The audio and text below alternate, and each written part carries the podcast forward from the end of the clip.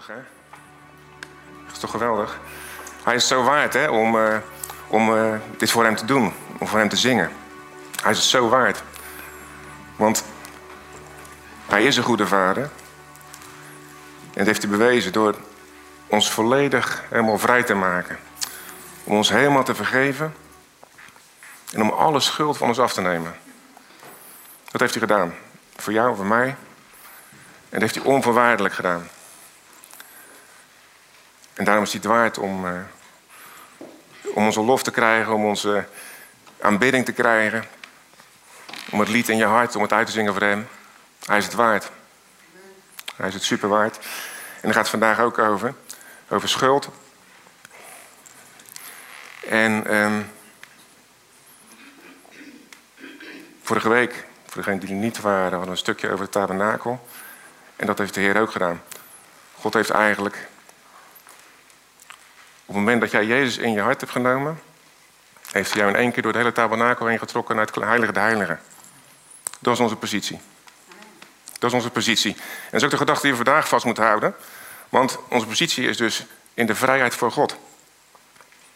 Er zit niks meer tussen. En wat weten we van God? Dat hij heilig is. Dat hij rein is. Dat hij goed is. Dat hij de duisternis niet verdraagt. Dat hij zonde niet verdraagt. Dat hij volmaakt is. Dus hij verdraagt ons in zijn nabijheid. En dan zegt hij zo van jou en mij. En dat heeft te maken met geloof. En um, we gaan vandaag ook lekker uit woord lezen. Dus ik heb mijn bril bij me. Maar um, ja, ik zal van de week zal een stukje te lezen. En ging hartstikke lekker. Ik lag een soort van op, op kruissnelheid, zeg maar, door de Bijbel. Tot ik een beetje krakend en piepend tot stilstand kwam. En um, die sheet er mag op. Ik zat te lezen in 1 Johannes. En ik lees gelijk even het hele stuk. Stukje is het hoor.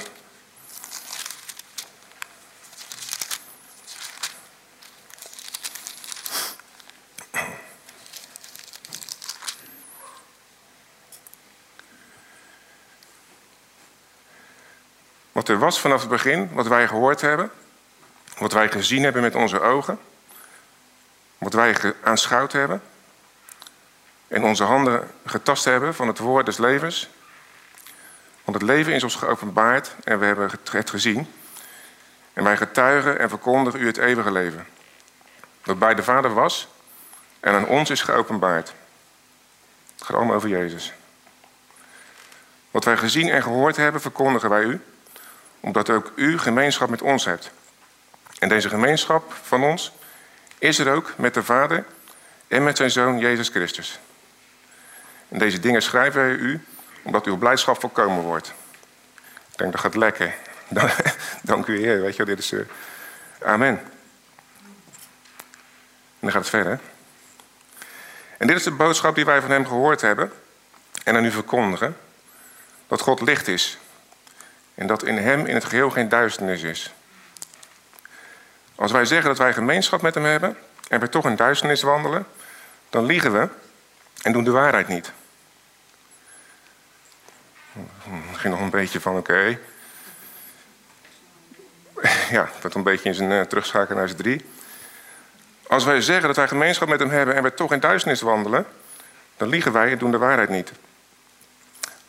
Als wij in het licht wandelen, maar als wij in het licht wandelen zoals hij in het licht is, hebben wij gemeenschap met elkaar. En het bloed van Jezus Christus, zijn zoon, reinigt ons van alle zonden. Als wij zeggen dat wij geen zonde hebben, misleiden wij onszelf en is de waarheid niet in ons. Als wij onze zonde beleiden, hij is getrouw en rechtvaardig om onze zonde te vergeven en ons te reinigen van alle ongerechtigheid. Als wij zeggen dat we niet gezondigd hebben, maken we hem tot leugenaar en is zijn woord niet in ons. Nou, bij negen stond ik al eens vrij, met de handrem erop. Ik denk, wow, wat staat hier nou? Als wij onze zonde beleiden, hij is getrouw en rechtvaardig om onze zonde te vergeven en ons te reinigen van alle ongerechtigheid. Wow, weet je, ik ben vergeven, ik ben vrij. En hier komt een duidelijke voorwaarde, lijkt het wel. Nou, moeten we even over praten. Het heeft te maken met schuld eigenlijk, hè? Zonde en schuld. Ja? De schuld is ons vergeven, de zonde is van ons afgenomen. Daar heeft het mee te maken. En um, je kan dat nazoeken, maar als je kijkt naar de psychiatrische aandoeningen, klachten, die hebben voornamelijk de oorzaak schuld. Afwijzing, schuld. Ik ben niet goed genoeg, schuld.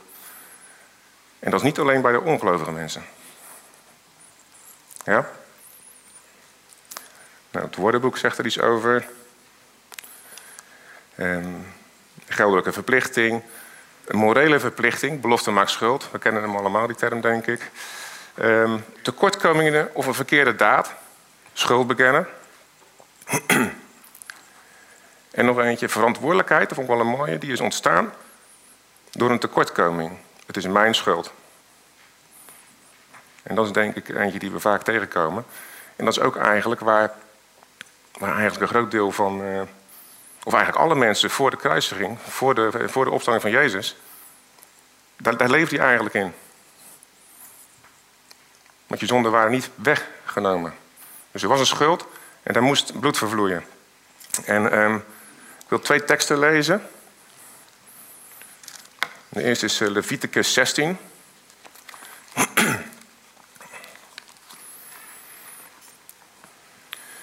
en dan 29 tot 31.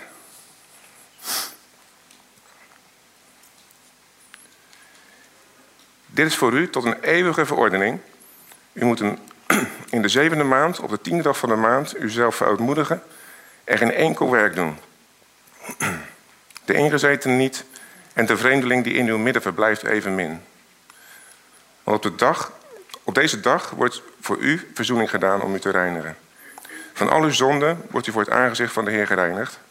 Het is voor u Sabbat, een dag van volledige rust, opdat u uzelf verootmoedigt en dit is een eeuwige verordening.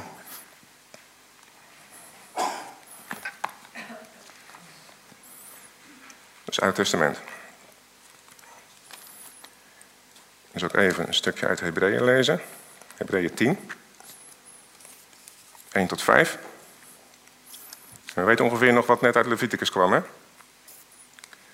Hebreeën 10, vanaf vers 1.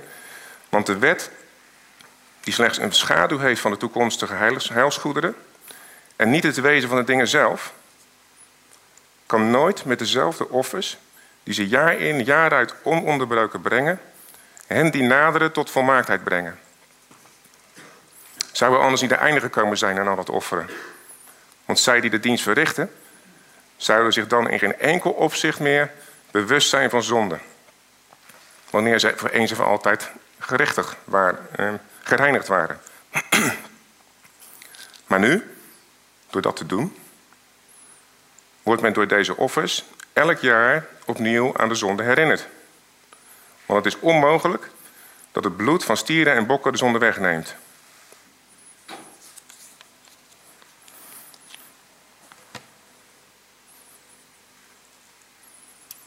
Contrast, hè? Nog de volgende sheet op. gaan proberen de tenen een beetje te laten krullen vanochtend.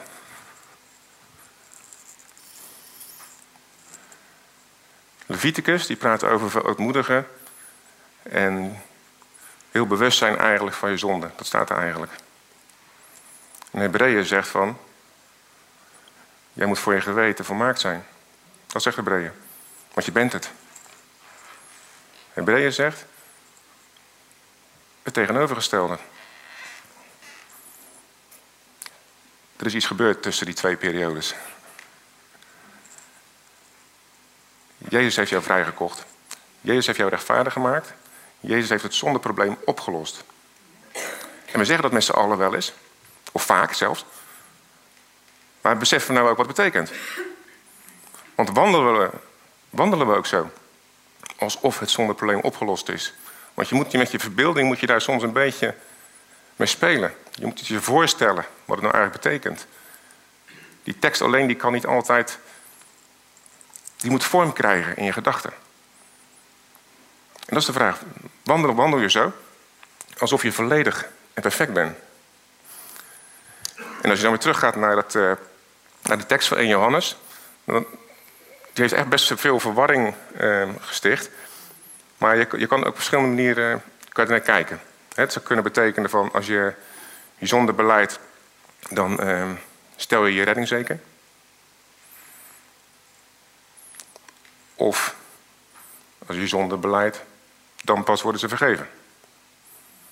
Kan ook. Die eerste. Jezus is maar één keer aan het kruis gegaan. Hij is maar één keer opgestaan. En dat is voor Jezus de voor altijd durende inzetting. Voor altijd heeft hij de zonde weggedaan. Hij gaat het niet nog een keer doen. Hij zegt niet voor niks, het is volbracht. Het is finished, klaar. En dat is niet van, misschien doe ik het over een paar duizend jaar nog een keer. Want er zijn er weer een paar afgedwaald. Nog een keer nodig. Nee, dat is klaar.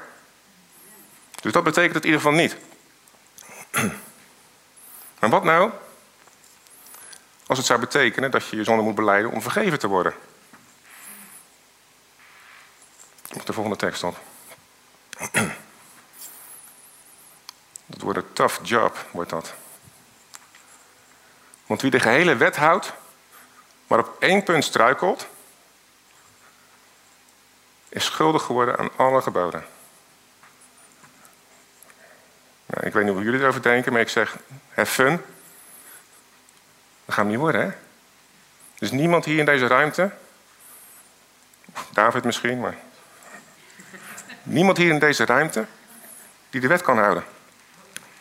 Met andere woorden, wij falen allemaal op alle geboden. Dat zegt Jacobus. Want hij zegt niet van. Um, er zijn er die het wel kunnen, dat zegt hij niet. Hij wijst ons erop dat je het niet kan. Dus je faalt op alle geboden, dus je faalt constant, elke dag. En dan gaan wij, s'avonds zodat we naar bed gaan, gaan we even eh, reminessen, de dag laten passeren. Denk je, oeh, dat ging niet goed. Dat, nou, dan begint het. Je wilt u vergeven, wat ik allemaal niet goed gedaan heb. Maar wat nou als je er eentje vergeet?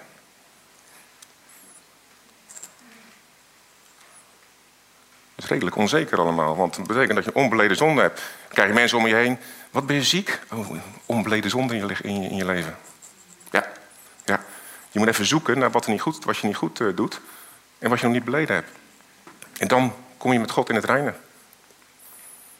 Dat wordt er dan gezegd. Terwijl Jezus zegt, ik heb jou gewassen, je hebt geen reiniging meer nodig. Dat zegt Jezus. Moeilijk hè? Want we willen eigenlijk best wel graag een beetje door het stof krabbelen om het gevoel te krijgen dat we onze slechtheid accentueren en daarmee Jezus verhogen. Daar verhogen we Jezus helemaal niet mee. Daar halen we mee naar beneden. Want je zegt dat hij niet gestorven is voor je zonde. Als je je slechtheid accentueert. Je moet hem danken voor jouw rechtvaardigheid in hem. Dat is de weg. En dan ga je anders naar je leven kijken. Genade is een gave. Het is geen, je verdient het niet. Staat hij aan? Sorry. Um, beetje, beetje jammer, ja. Deze bril is ook een gave trouwens, van mevrouw gehad. um, Efeze 1. Van, um, 13, vanaf 13, 13 en 14.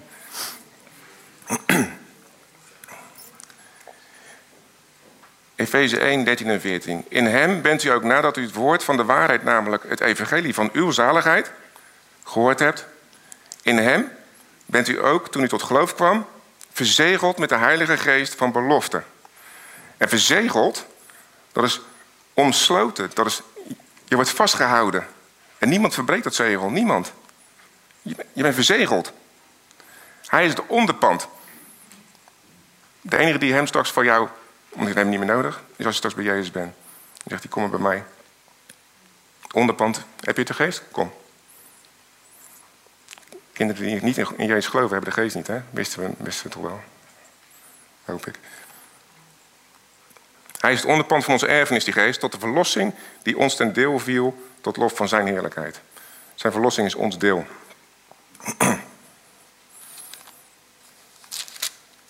En ik lees die teksten omdat, omdat, omdat het Johannes-gedeelte ehm, diep geworteld zit. Het zondebesef zit bij ons diep geworteld. Dus ik moet context. Uh, ik wil graag een stukje context geven. Romeinen 8, 31 tot met 39. Wat zullen wij dan over deze dingen zeggen? Als God voor ons is, wie zal tegen ons zijn? Hoe zal Hij, die zelfs zijn eigen zoon niet gespaard heeft voor ons, alle, overgegeven heeft, ons ook met Hem niet alle dingen schenken? Wie zal beschuldigingen inbrengen tegen de uitverkorenen van God? God is het die rechtvaardigt. Hij heeft jou gerechtvaardigd. Wie is het die verdoemt? Christus is het die gestorven is. En ja, wat meer is, die is ook opgewekt. En hij is aan de rechterhand van God. En hij pleit voor ons. Wie zal ons scheiden van de liefde van Christus? Verdrukking of benauwdheid? Of vervolging of honger of naaktheid? Of gevaar of het zwaard? Want er staat geschreven: Omwille van u worden wij de hele dag gedood. Wij worden beschouwd als slagschapen. Het lijden om Jezus wil. Maar in het alles zijn we meer dan overwinnaars. Door Hem die ons heeft lief gehad. Dat hebben we net gezongen. En lief gehad. Um, we zongen net Jezus leeft. Dat is actueel nog steeds zo. Hij is niet dood, hij leeft. Hij, nog steeds, hij houdt nog steeds van jou. Onvoorwaardelijk. Want ik ben ervan overtuigd dat nog dood, nog leven, nog engelen, nog overheden, nog krachten, nog tegenwoordige, nog toekomstige dingen, nog hoogte, nog diepte, nog enig ander schepsel ons zal kunnen scheiden van de liefde van God in Christus Jezus onze Heer. Is dat cool of niet?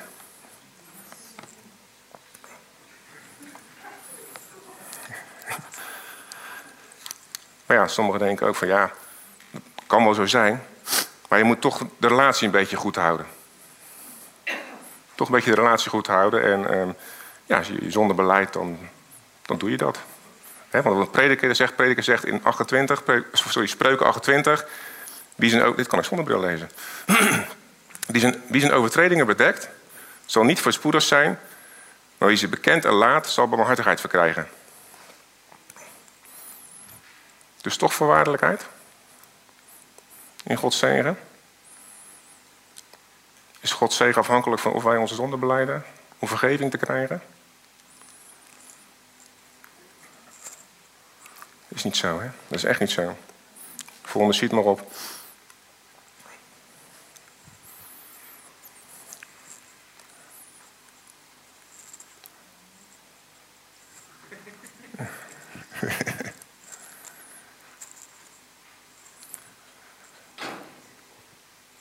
Toen we tot geloof kwamen, we met zoveel gemak geaccepteerd dat we eeuwig leven ontvingen.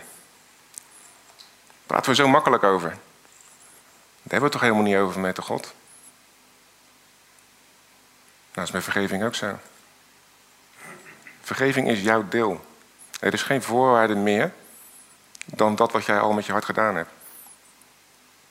Je hebt Jezus als waarheid in je leven ontvangen. En op basis daarvan ben je gerechtvaardigd. Op basis daarvan ben vergeven. Op basis daarvan ben schoongewassen. Voordat Jezus stierf, hebben we net gelezen in Leviticus, kwam de gerechtigheid door het brengen van de offers. kwam de reiniging door het brengen van offers. In Hebreeën staat ook dat Jezus is het volmaakte offer, het eeuwigdurende offer. Het wordt niet nog een keer gebracht, het duurt maar voort. Zolang hij leeft, duurt dat voort. En hij leeft door een eeuwigheid. Net als jij en ik. Dus die vergeving leeft eeuwig voort. Dan gaan we weer. Romeinen 4. Ik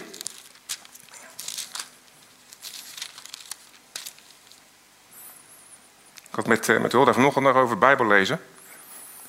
En ehm, wat ik zelf ervoer, in ieder geval ook van de week, maar goed, ook wel gelukkig wat vaker. Maar dat, het woord is zo rijk. En het is altijd nieuw. En je hebt het zo nodig om, om je erin te verdiepen. Hij bouwt je zo op door zijn woord. En ik begrijp dat sommige mensen zeggen, ja, ik ben niet zo'n lezer, is niet mijn, mijn, mijn ding.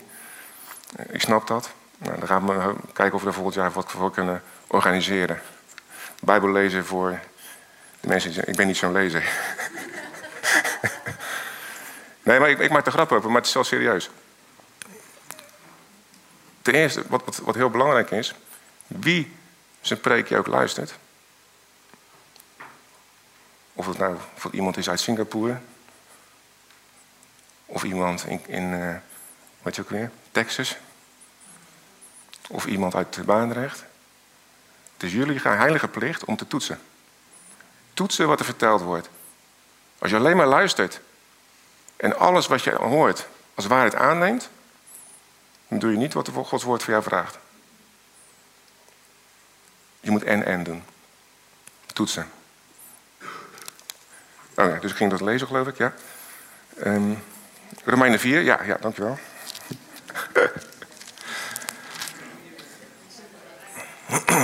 de weg kwijt, joh.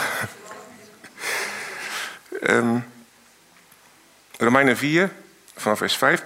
Bij hem echter die niet werkt, maar gelooft in hem die de goddeloze rechtvaardigt, wordt zijn geloof gerekend tot gerechtigheid.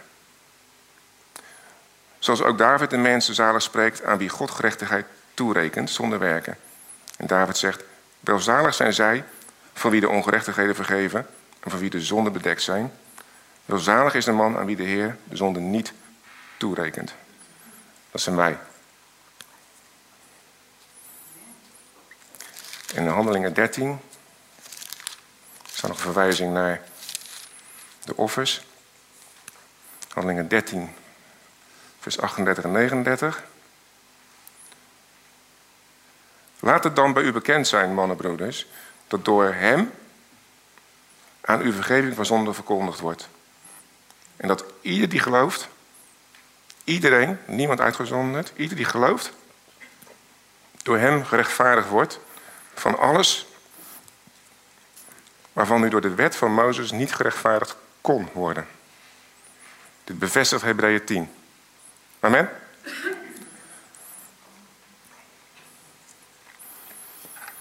Dat is allemaal, eh, allemaal, allemaal woorden natuurlijk. We zitten nog steeds met die tekst eigenlijk een beetje. Hè? Dus bij mij begon het al redelijk te landen toen ik deze teksten las. Um,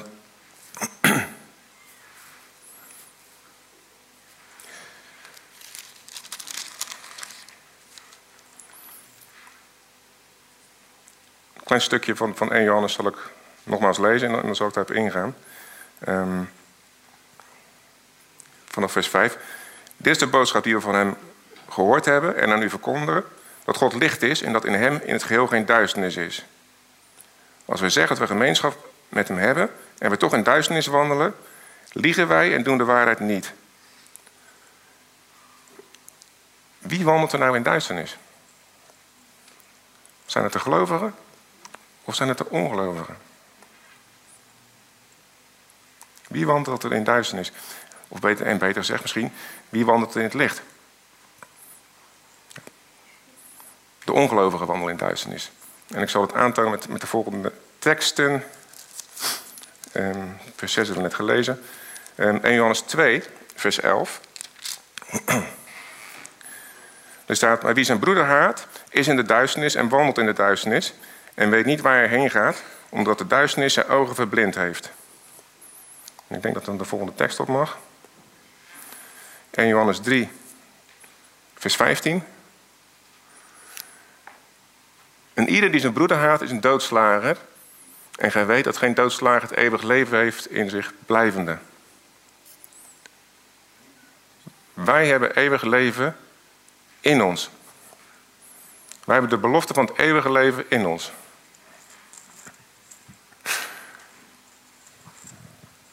Is dat voor jou een waarheid? Als een koe, op zijn Rotterdams gezegd? We hadden net gezegd toch eeuwig leven, we hebben het niet eens meer over. Wij hebben eeuwig leven in ons. Dat betekent dat die tekst eigenlijk aan ongelovigen gericht is. Want jij wandelt niet in duisternis. Jij wandelt niet in duisternis. En waar het uiteindelijk om gaat, is dat je er gaat geloven. En dat je, dat, gezien, dat je gaat zien dat het niet gaat om ehm, hoe je wandelt. En ik ga niet zeggen dat het onbelangrijk is. Maar het gaat daar niet uiteindelijk om. Maar het gaat erom waar je wandelt. Dat we gaan leren, voor zover we dat niet gewend zijn, dat we ons leren gaan te beseffen dat wij kinderen van het licht zijn. Jezus heeft van jou een kind van het licht gemaakt. Wij zijn het licht wat op de aarde schijnt, zegt Jezus. Als ik straks, ik ben nu het licht van de wereld. Als ik straks ga, dan zijn jullie het. Wij wandelen in het licht. Wij wandelen niet in de duisternis. Ja, maar ik doe uh, zat dingen verkeerd. Nou, daar is gestad over geschreven. Moet je niet doen. Maar het maakt niet dat jij in de duisternis wandelt. Want jij bent daarvan vergeven. Jij bent daarvan verlost. Van je zwakheden ben je verlost.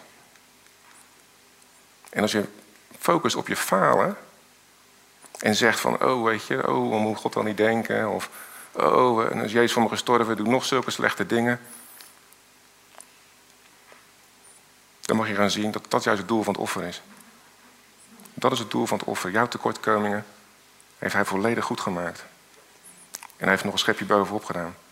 Want hij heeft jou in een andere dimensie gezet. Hij heeft jou in een andere dimensie gezet. En eh, jullie kennen wel de gemeente Korinthe. Weet je wat Paulus over de Corinthiërs zegt?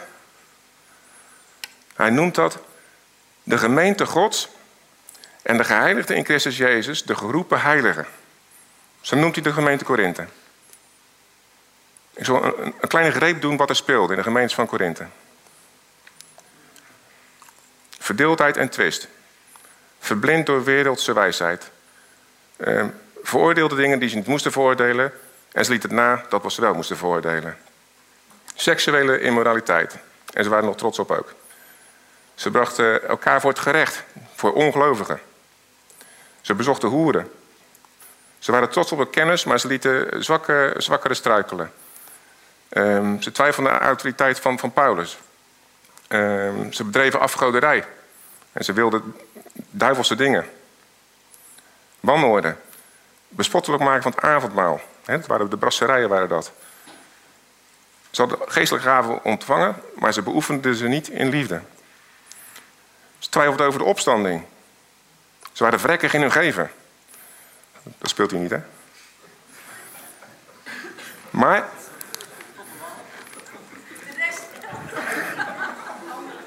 Ik ga ook wel andere gemeentes, ja. Maar gelukkig, ondanks dat, wij wandelen gewoon in het licht. Paulus zegt tegen de gemeente, dat zijn de geheiligden, de geroepenen. En dan zegt hij ook tegen jou en mij. En ik moet het erbij zeggen, want Paulus zegt het ook. Wilde ze dat maar zeggen dat je me alles kan gaan doen? Wat een onzin is dat. Wat een onzin is dat. Dat zegt iets over jouw hart. Dat zegt iets over jouw hart. Dat is een gedeelte wat je nog niet prijsgegeven hebt aan Jezus. Hij heeft jouw hele hart al genomen, maar hij wil dat je vrijwillig aan hem geeft. En als je dingen wil doen, zo graag dingen wil doen, waarvan je in je hart al lang weet van ja, maar je, dit moet ik niet doen. Dan geef je jezelf voorrang, zo simpel is het. Dan geef je jezelf voorrang boven wat Jezus in jouw hart al gelegd heeft. Want wij kennen de waarheid. Want wij kennen de waarheid, zegt de Bijbel. We hebben geen geest ontvangen om opnieuw te vrezen, dat heb ik vorige week ook gezegd. Maar we hebben de geest ontvangen die God kent. En dat is een kracht in jouw leven. Maar daar moeten we wel naar luisteren. En gaat onderzoeken, hè? Gaat onderzoeken, dat is echt wel heel belangrijk. Want eh, God bevestigt zijn woord gewoon. Als je leest, God bevestigt in jouw hart zijn woord. Wat we hier doen en, en, en andere preken die je luistert, het werkt allemaal ten goede. Maar als je over dingen twijfelt, ga het gewoon onderzoeken. Ga niet met die twijfel rondlopen. Ga het gewoon oprecht zoeken of stel vragen en laat je opbouwen. Blijf niet lopen met het idee dat je het met God in orde moet maken. Dat je je zonde moet beleiden, omdat het anders niet goed zou zijn tussen jou en God. Er is wel een vorm van beleiden, maar zo eerst nog even. Het als, je, als je zo leeft, als je denkt van, van ik moet alles beleiden, dan leef je onder schuld. Dan leef je gewoon onder schuld. Nou, Hel Lindsay die had daar een leuke limerick op. Een van de meest succesvolle tactieken van uh, de demonen en de duivel. Die ze gebruiken om hun vijanden ons onschadelijk te maken, is dat ze maar blijven denken aan hun fouten. Vanaf het moment dat ze zich schuldig beginnen te voelen, zijn ze niet langer bedreiging voor het programma van de duivel. Hij heeft namelijk helemaal geen macht over jou, helemaal nul. Alleen, hij gaat zeggen dat het niet waar is. Je bent niet vergeven hoor. Moet je kijken wat je net doet. Dat doet de christen toch niet? Hoe vaak dat niet hoor? Nou, dat, dat, oh, dat doen christenen. Dat doen christenen toch niet? Oh, wat erg. Gelijk oordelen natuurlijk. En die andere die gelijk een schuldcomplex. Van nee, eh, waarom doe ik het eigenlijk? Geef de duivel geen grond. Te bezig zijn met je fouten, te bezig zijn met je schulden, vermeende schulden, vermeende fouten, geef je de duivel voet. Hij drijft een weg tussen wat Jezus voor jou gedaan heeft en wat hij zegt dat de waarheid is. En als je focus is op jouw onvolkomenheden, dan ga je richting wat de duivel zegt. Dan ga je richting wat hij zegt, dat het offer niet volledig is. Dat Jezus liefde en dat Gods liefde voorwaardelijk zijn. Want dat zegt het eigenlijk. Maar als je gaat focussen op de vergeving van Jezus, op de genade die jouw deel is, weet je wat het bijzondere dan is? Dan zie je dat het andere langzaam kleiner wordt. Dan zie je dat je leven gaat veranderen. Dan zie je dat mensen aan jou gaan zien, die gaan dingen tegen jou zeggen, dat je zelf niet eens bewust bent. Van joh, ik zie dan dat aan jou, wat, wat gaaf. Omdat je vrij bent gaan wandelen. En dat je dingen die je fout doet, accepteert is niet het goede woord. Maar dat je weet dat je vergeven bent. En dat is jouw kracht om te stoppen met zondigen. Beter dat je vergeven bent is jouw kracht om te stoppen met zondigen. En het is jouw keus om dat te doen. Beleiden omdat je denkt dat je nog vergeven moet worden. Wat echt niet waar is. Weet je, weet je wie dit ook nog denken? Dat denken de, de, de, de Joden denken dat. De Joden die nog steeds wachten op Jezus. Die denken dat nog steeds. Ze willen ook het offer willen ze weer gaan installeren in Israël. Dat willen ze allemaal gaan doen. Daar zijn ze zijn druk mee bezig. Dat is ook het teken van de tijd. Maar die geloven echt niet dat Jezus gestorven is voor hun zonde op dit moment. Maar wij weten het. Jij weet het in je hart dat het zo is.